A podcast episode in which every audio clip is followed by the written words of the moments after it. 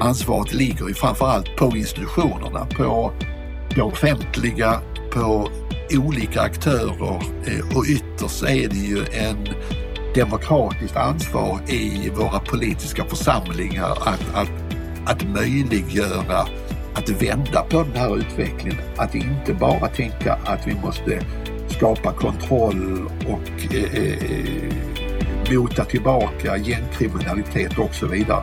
Utan man måste också jobba med de underliggande sociala frågorna som, som, som eh, drar undan själva grunden för kriminalitet och utanförskap.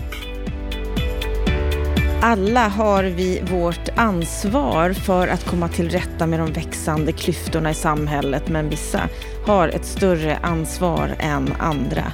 Hör Tapio Salonen i dagens intervju om vad vi kan göra för att komma till rätta med bostadssituationen för de som har det allra sämst ställt i samhället. Han forskar kring detta med social bostadspolitik, om de som har det sämst ställt och han har nyss skrivit en bok om Gårdsten. Det här fantastiska exemplet på hur man kan få ett särskilt utsatt område bortskrivet ifrån polisens lista. Vad är det Gårdsten gör rätt? Varför är det inte fler som följer exemplet? Efter samtalet med Tapio så får du höra Stefan Attefalls kommentar, hur han ser på det här problemet som vi ju brottas med i Sverige idag. Varmt välkommen till en ny vecka med oss på Bopolpodden och bostadspolitik.se. Jag heter Anna Bellman, otroligt glad för att du lyssnar på vårt program och jag vill bara mm, lite sådär ge, höja ett varningens finger därför att vi har haft en del problem med ljudet i samtalet med Tapio. Men vi tycker att det här är ett sånt viktigt samtal, ett sånt viktigt ämne så vi vill sända det. Vi vill ge dig möjligheten att höra. Så välkommen än en gång. Trevlig lyssning. Klyftorna växer i vårt samhälle. Trots att det går bra för Sverige så kommer det inte alla till del. Nu ska vi få träffa professorn som forskar om de sämst ställda i samhället och som saknar en social bostadspolitik. Varmt välkommen till Bopolpodden, Tapio Salonen. Tack ska du ha. Vad är din sinnesstämning idag?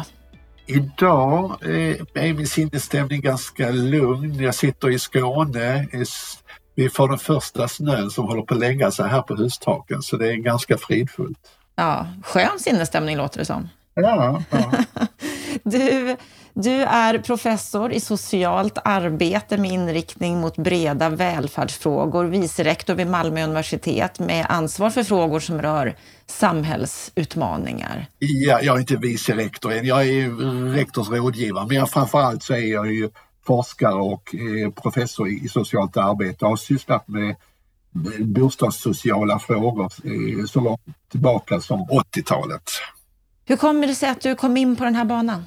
Ja, eh, jag har alltid intresserat mig för eh, samhällsfrågor och eh, utbildade mig en gång som socialarbetare, jobbade med de sociala frågorna och insåg att eh, kunskap är ett mäktigt vapen och eh, blev intresserad av det på, på ett mer eh, intellektuellt akademiskt sätt. Ja, när jag läste om dig så, så läste jag att du kom som femåring från Finland till Landskrona. Föräldrar, tre syskon. Din pappa var fräsare, din mamma var sömmerska. Och i en artikel som jag läste då så berättade du att uppväxten har bidragit till ditt intresse för klyftor. På vilket sätt då? Ja, men det är klart. Jag är ju då eh, barn av min tid, eh, uppväxt eh, framförallt 60-talet i Eh, förhållanden där det var väldigt, eh, både, alltså det var väldigt eh, både tydliga skillnader men också en, en väldigt stark reformoptimism. Eh, ungarna gick eh, högt som lågt i, i, samma skolor och så vidare. Och det är mycket av detta som har förändrats de sista 50-60 åren och där då eh, segregation och ojämlikhet har blivit eh, mer märkbara i, i den svenska samhällsutvecklingen. Vad, vad, skulle du säga att, att, att det här beror på?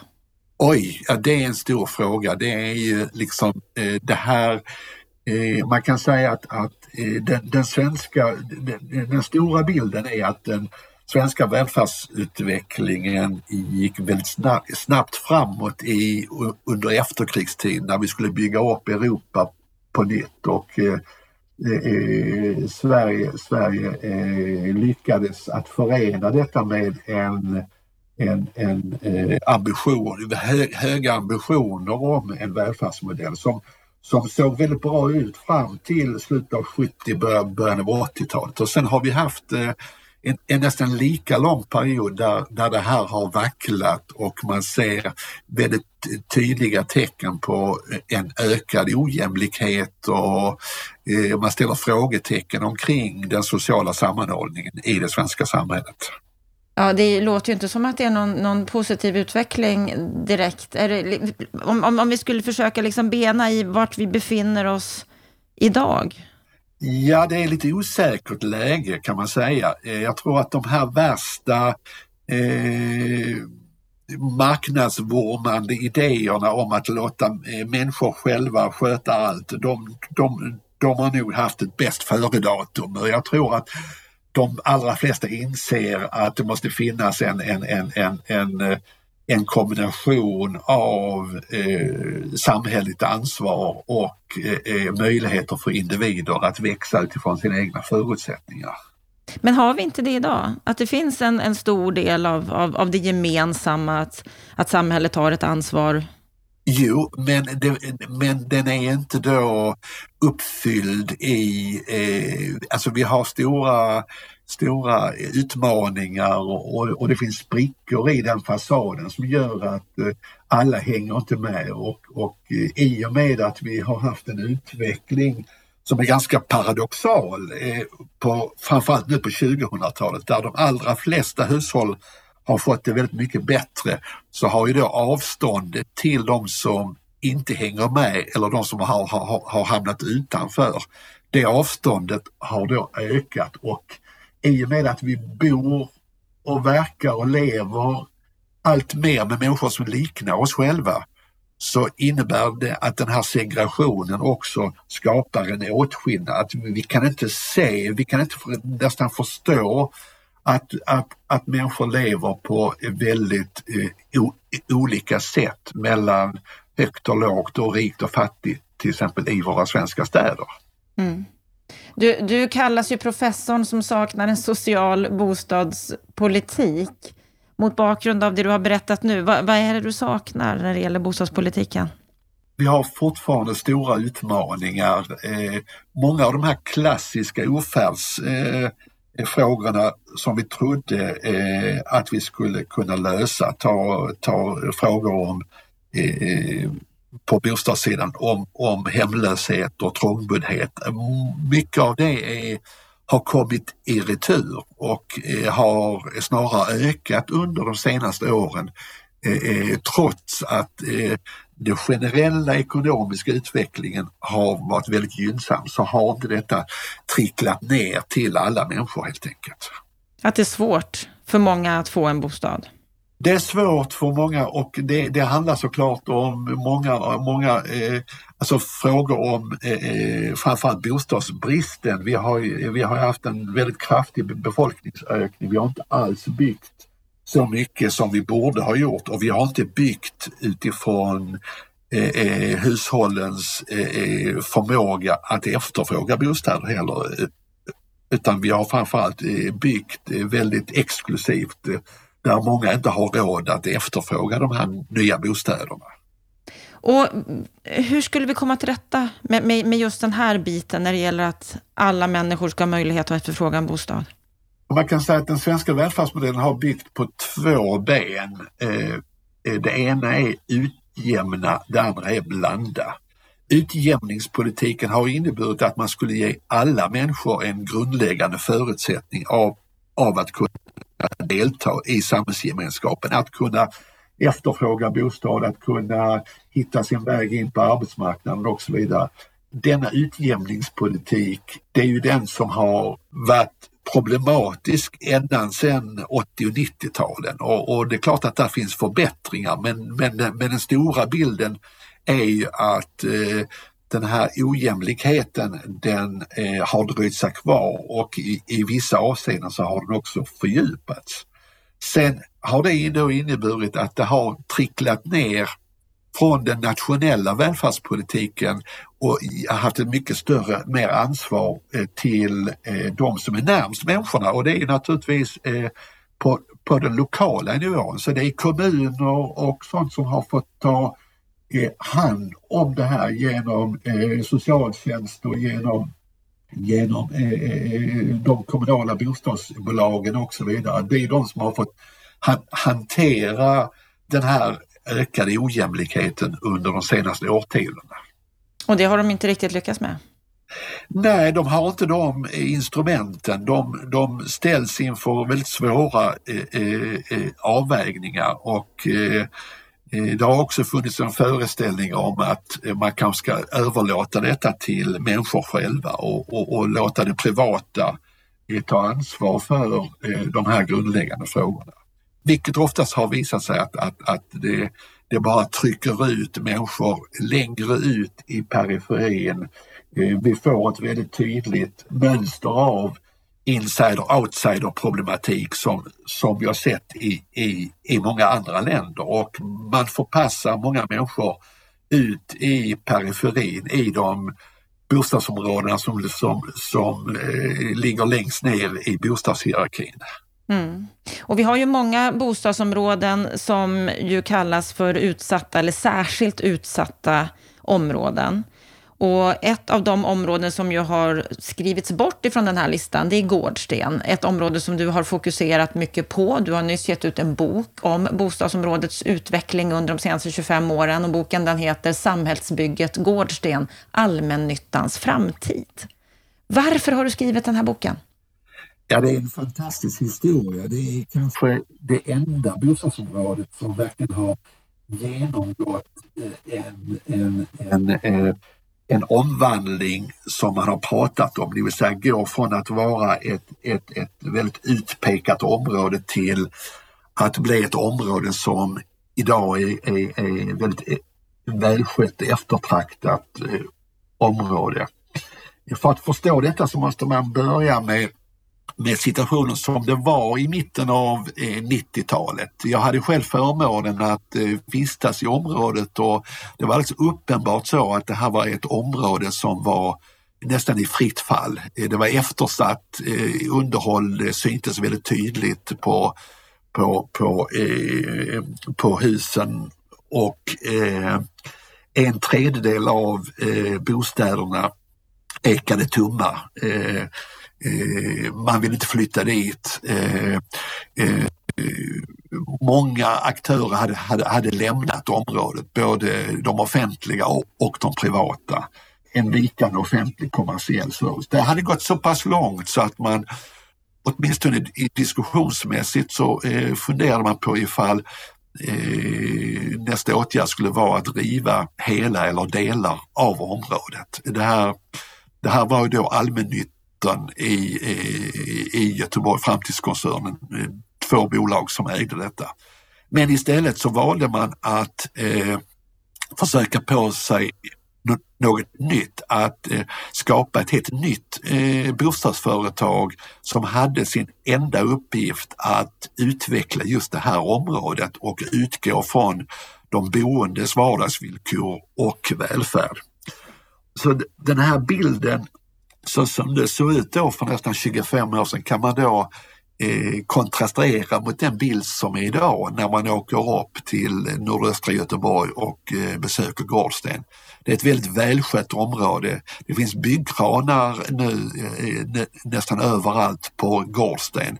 Man förtätar området. Området ses som attraktivt också för andra intressenter. Det finns ett tiotal eh, bostadsbolag som bygger både egna hem och bostadsrätter och privata hyresrätter och eh, eh, området eh, känns idag väldigt stabilt och, och, och som är då eh, bland annat bortplockad från den här eh, polisens eh, lista över särskilt utsatta bostadsområden och, och, och, det har varit en formidabel resa detta som vi kanske kan prata mer om. Ja absolut, för man blir ju väldigt nyfiken på vad är det Gårdsten har gjort rätt?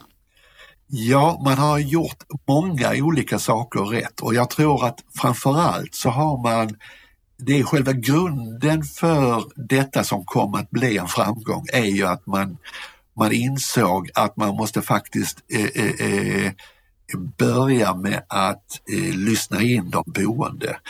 Om man nu ska utveckla det lokalsamhället och, och om det är allmännyttans uppgift. Så, så, så som det formulerades när allmännyttan blev till efter andra världskriget så var det just att den skulle eh, bidra till eh, eh den eh, lokala samhällsutvecklingen.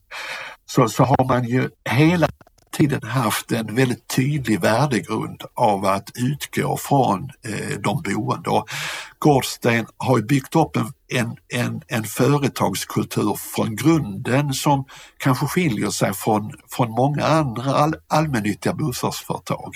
De har huschefer som träffar de boende eh, på ett väldigt decentraliserat sätt ute i områdeslokaler.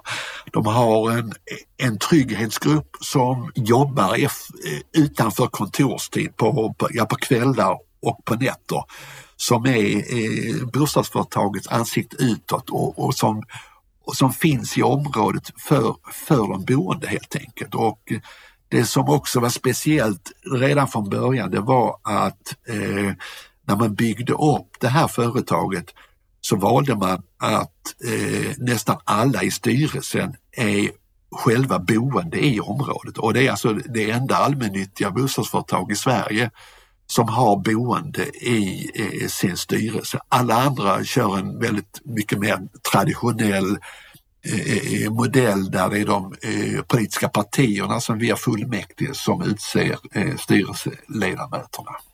Eh, har det här varit ett krav för att få, få arbeta här, att man också ska bo i området? Nej, inte de som arbetar. Eh, de kan bo var som helst men, men de, de, är, de är ju rekryterade och de blir vidareutbildade hos Gårdsföreningsbostäder för att, att eh, utgå från de boendes perspektiv. Mm. Och när man läser din bok så har du ju sju punkter som du bland annat har nämnt här som har varit viktiga för Gårdsten. Bland annat det här som du har nämnt med närheten, värdegrunden, att man utgår ifrån hyresgästerna, att man kommunicerar mycket och, och ser långsiktigt på området. Vad skulle du säga, varför är det så, så få andra utsatta, särskilt utsatta områden som har följt i Gårdstens fotspår?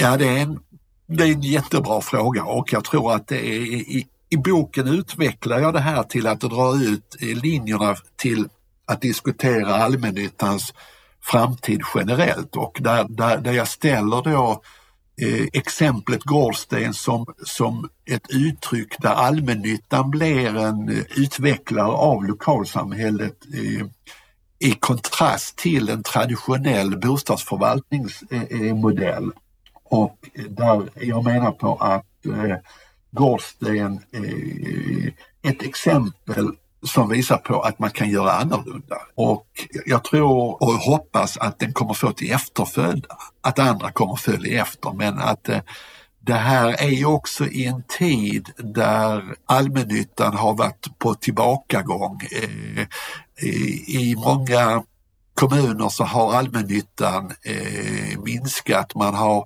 sålt av delar av sitt bestånd till privata aktörer vilket eh, man har delvis gjort för att man eh, behöver frigöra kapital eh, för att bygga nytt. Det, det, har ju varit en eftersatt eh, bostadsbyggnation under många år som nu under 10-talet har, har börjat komma igång så småningom igen. Så det, det, det är många faktorer och jag tror att det är själva synsättet på eh, eh, vad en allmännytta ska vara till för helt enkelt.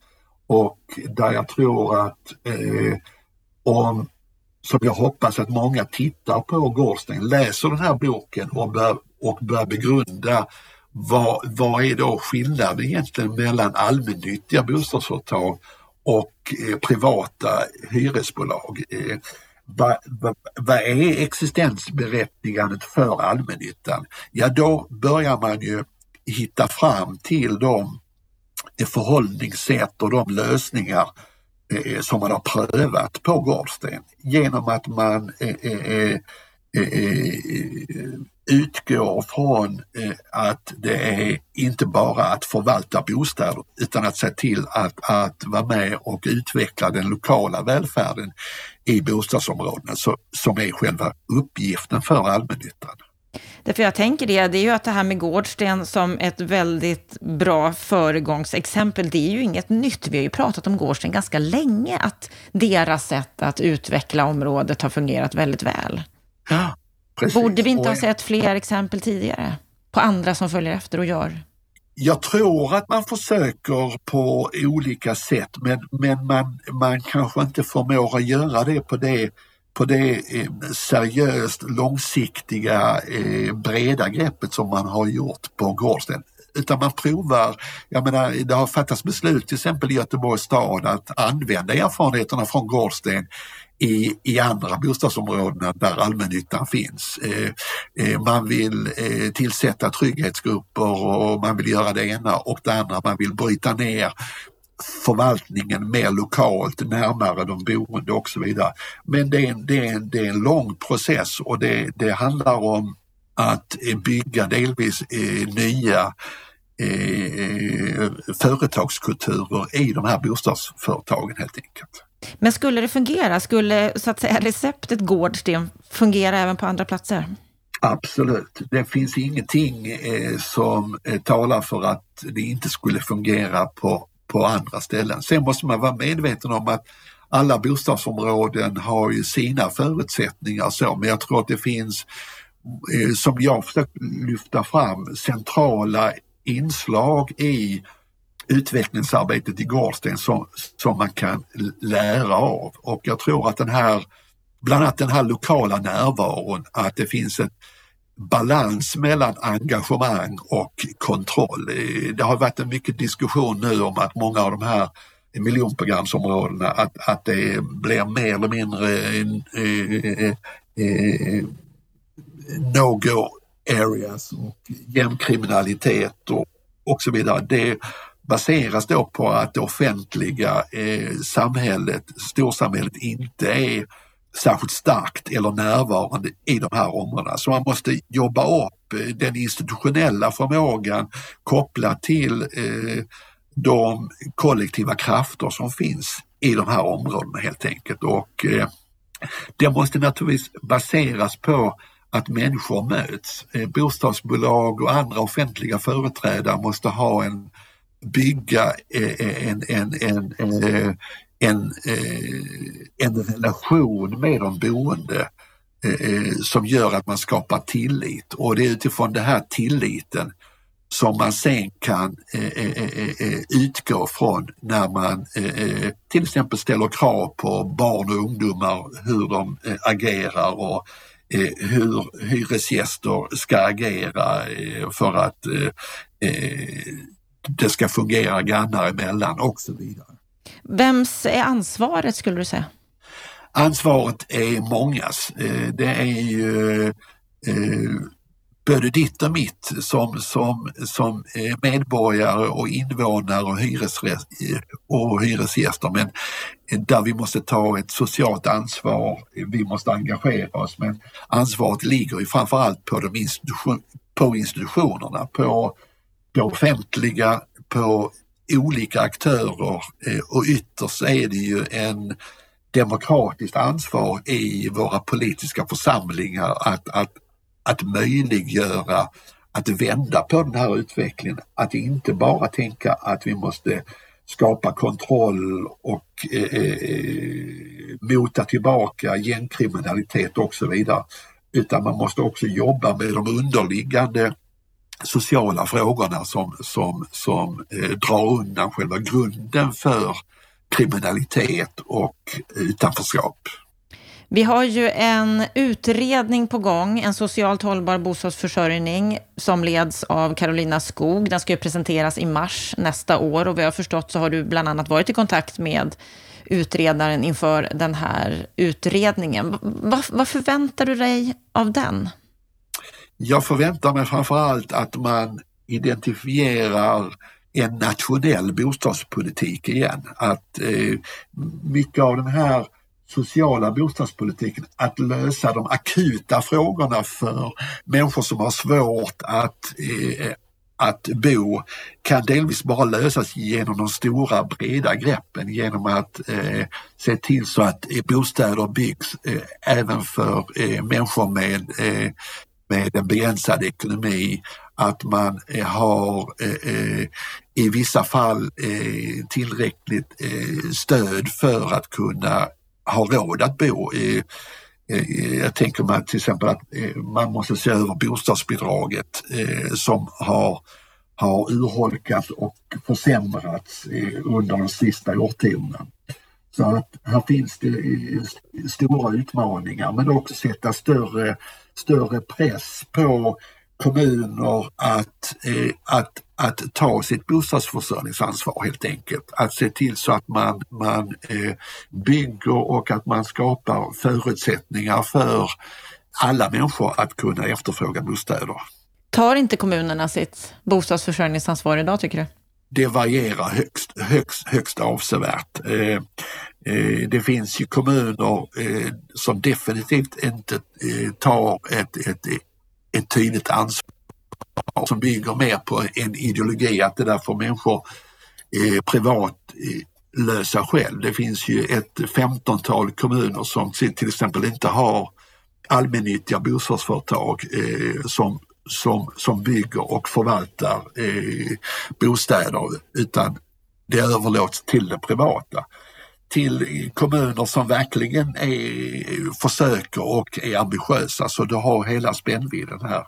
Är det bara genom allmännyttan vi kommer att kunna lösa den här problematiken? Oh nej, eh, det är det inte. Men, men allmännyttan så som den skapades var ju tänkt att vara den skarpaste kniven i den offentliga eh, bostadspolitiken. Den, den skulle möjliggöra en, en bostadsmodell som inte innebär en tydlig åtskillnad mellan högt och lågt och, och, och rik och fattig helt enkelt. Och jag tycker att just Gårdsten är ett väldigt bra exempel där man då har med relativt små medel lyckas vända det här utsatta bostadsområdet till, till att bli ett väldigt stabilt område nu och som blir också attraktivt för andra eh, grupper, medelklass och andra. Och eh, jag, jag, tror att det finns väldigt mycket att lära i det här exemplet. Mm, vi har mycket att lära från Gårdsten och vi har många utsatta och särskilt utsatta områden kvar. Mm, hur ser du på, på framtiden? Jag, jag är alltid optimistisk så att jag tror att det här är ju välfärdsfrågor är ju av en sån karaktär så att det, de kan alltid gå åt båda håll så att säga och vi har ju sett det över tiden vilka fantastiska välfärdsreformer som har åstadkommit eh, eh stora förändringar. Men vi ska betänka i ett historiskt sken den resa som eh, Sverige har genomgått de sista 100-150 år sedan. Och, och, och de, eh, den, den bostadsnöd och den, de erbarmliga eh, levnadsförhållanden som människor levde under eh, för eh, några generationer sedan, de talar för att vi kan göra fantastiska saker. Mm. Då hoppas jag att du har rätt i den optimismen och att vi kommer att göra fantastiska saker, för det behövs ju i vårt samhälle. Stort tack för att du var med i Bopolpodden, Tapio Salonen. Ja, tack själv.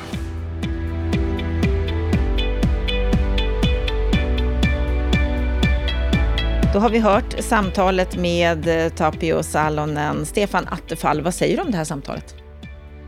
Ja, det är alltid intressant att lyssna på Taipo Salonen. Eh, han är ju en person som verkligen är engagerad i inte minst allmännyttan men också bostadsfrågorna i stort och har ju sitt perspektiv mycket från Malmö också. Men eh, det är samtidigt också intressant att lyssna på att den världsbild som han har kring bostadsfrågorna är ungefär densamma som eh, Henrik Weston hade i förra veckans intervju. Alltså det är lite grann det här med att det finns en slags ska vi kalla det romantik, att det går att bygga billigt, alltså bygga nytt och bygga billigt. Alltså man, man tror på något sätt, vi har inte byggt efter hushållens efterfrågan. Eh, och det är som Lennart Weiss påpekade förra veckan, nyproducerade hyresbostäder kommer aldrig vara billiga, har aldrig varit det någonsin i Sveriges historia. Man kan subventionera det på olika sätt och till stora statsfinansiella kostnader också. Men du får aldrig det ska säga, billigt att bo nyproducerat utan det är ju för att liksom man ska växa in i den typen av kostnader med stigande reallöner och stigande välstånd. Eh, och där finns det någon slags romantisk bild som också präglar eh, Taipo Salonen. Utan det handlar ju snarare om att hur hittar vi former för att stödja hushåll att kunna efterfråga bostäder som finns. Och som sagt var det samma problematik här också när man måste renovera bostäder. Man kan diskutera exakt vilka nivåer men de måste renoveras och de måste ju läggas då med en bruksvärdesyra som är i paritet med vad regelverk och vad omgivande liknande standardmässiga hyresrätter har. Och då blir det dyrare hyresrätter. Eh, och den här problematiken kommer man aldrig komma runt. Man kan skruva på det här lite grann, man kan ha intrappningshyror, man kan ha olika typer av dellösningar och olika fastighetsägare kan göra på ett olika sätt. Men utvecklingen går åt det hållet att det blir färre billiga hyresrätter i takt med att vi renoverar upp till modern standard. Och då måste politiken hjälpa de grupper som har det svårt. Det går liksom inte att trolla med knäna. Vi kan göra allting, vi kan göra många saker billigare, vi kan ha bättre regelverk, vi kan pressa kostnader, men vi kan inte eh, förändra de grundläggande förhållandena. Och här tycker jag att det, det skevar lite grann i, i Taipos analys. Men engagemanget som sagt var och problematiken som han ser, den är ju helt riktig. Och särskilt i de här områdena som har blivit, ska vi säga, kanske också lite nedgångna och inte har fått den omsorg och den förvaltning som man skulle önska under många år. Och där finns mycket försyndelser både i privat men också i allmännyttigt bestånd runt om i Sverige. Mm. Och han har ju nyss kommit ut med en bok om Gårdsten som han ju har forskat extra kring. Mm.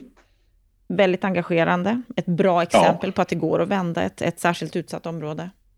Ja, och ett riktigt, eh, riktigt problematiskt område eh, som, som ju har byggts på helt felaktiga premisser från början. Men det visar också på att det går att förändra. Och här tycker jag att han har många spännande eh, beskrivningar av hur den här processen har gått till och eh, att det krävs, menar, en, ett, en sak som kommer fram här när man läser boken och lyssnar också på det, och det är ju långsiktigt, att man har jobbat med frågorna under lång följd av år. Alltså det är inte projekt, det är inte kortsiktiga saker utan det är långsiktigt engagemang. Inte minst av en, kanske också kontinuitet i, i ledning och så för, för de som haft ansvaret för att eh, hålla eh, igång den här processen att rusta upp. Och där finns, finns ju många saker i boken och i hans intervju med honom som jag tycker är viktiga lärdomar. Det är att lyssna in och självklart de boende. Jag tycker det är intressant också att styrelserna i det här allmännyttiga bolaget har haft mycket lokalt boende eh, i styrelsen, har haft en närkontakt med en på styrelsenivå. Kanske ännu viktigare är ju självklart att man har en, en som man också är inne på, husvärd, alltså lokal förvaltning med människor som lever nära hyresgästerna. Eh, sen jag tycker en faktor så här som också glöms bort i, i, i debatten, det är trygghetsfrågorna. Jag menar, här har det funnits exempel man har vågat ta ut svängarna, man har förbjudit kamphundar i bostadsområdena. Eh, man har satt stopp för den här knarkförsäljningen som har funnits i områdena. Man har alltså gått in med resoluta åtgärder för att skapa trygghet hos människor som bor här. Och det, är, det är på något sätt grundläggande och det har jag också missat. Om du inte har trygghet i områdena, om du inte får bort klottret, få bort förstörelsen, få bort knarkhandeln och, och få bort våld och, och, hot, då kommer du aldrig lyckas, lyckas lösa de andra problemen. Det är en viktig poäng som kommer fram också i hans bok. Eh, sen den fysiska upprustningen, att du måste ju rusta upp, du måste satsa på att rusta upp bostäderna. Du måste också eh, så småningom också ge in och nyproducera för att få mer blandat bestånd med olika eh, priser och, och eh, att det händer någonting, att man upplever att man, man, man, man lyfter områdena på olika sätt. Eh, de har haft mycket stark aktivitet mot an, olovlig andrahandsuthyrning. Också viktiga saker. Alltså att förvaltningen har varit på för fort man har hållit på med hyrt ut i andra hand och kanske också bott oerhört många i samma lägenhet. Eh, flera sådana här faktorer är då viktiga lärdomar och viktiga positiva erfarenheter som jag tror är allmängiltiga eh, och som jag skulle se mer av.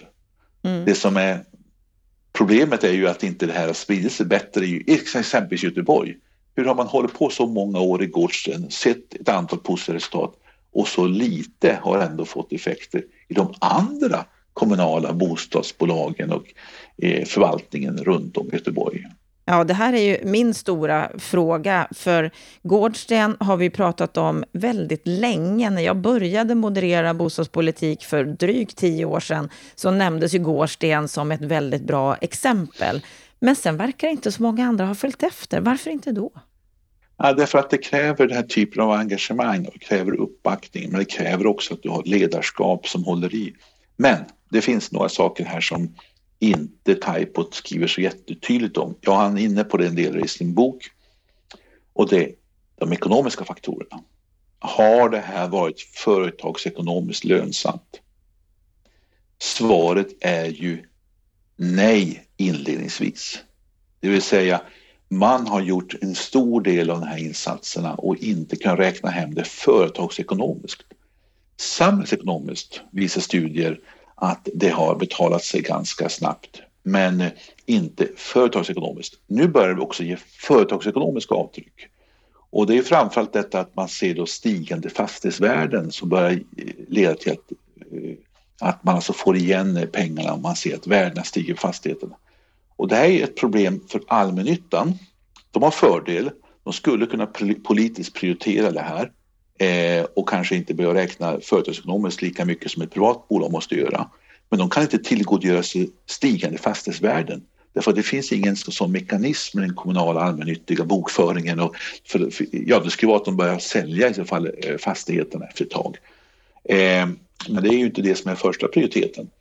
Eh, I ett privat bolag som skulle göra den här resan, de skulle kunna se stigande fastighetsvärden som resultat.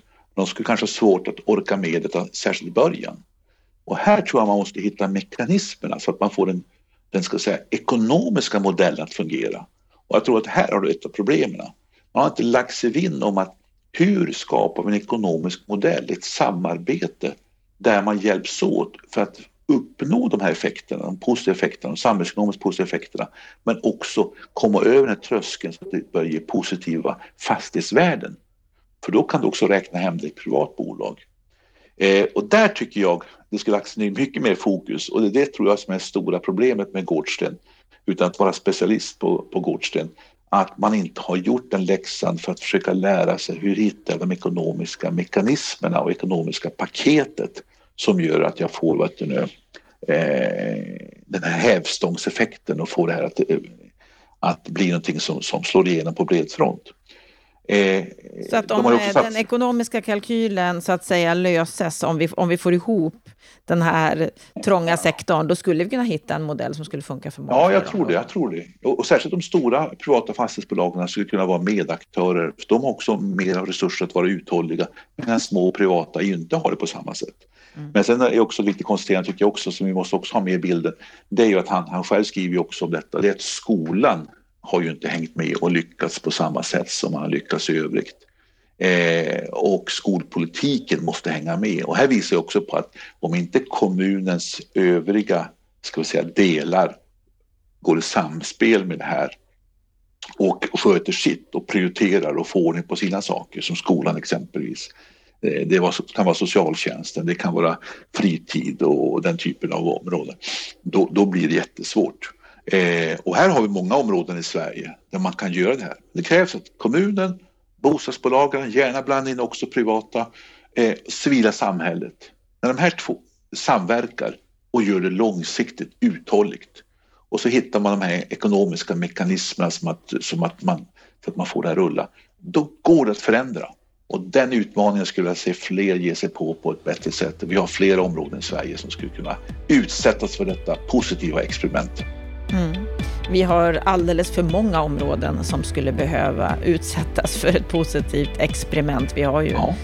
många problem finns... i vårt samhälle, men det finns möjligheter. Ja, det finns också områden som är på väg också.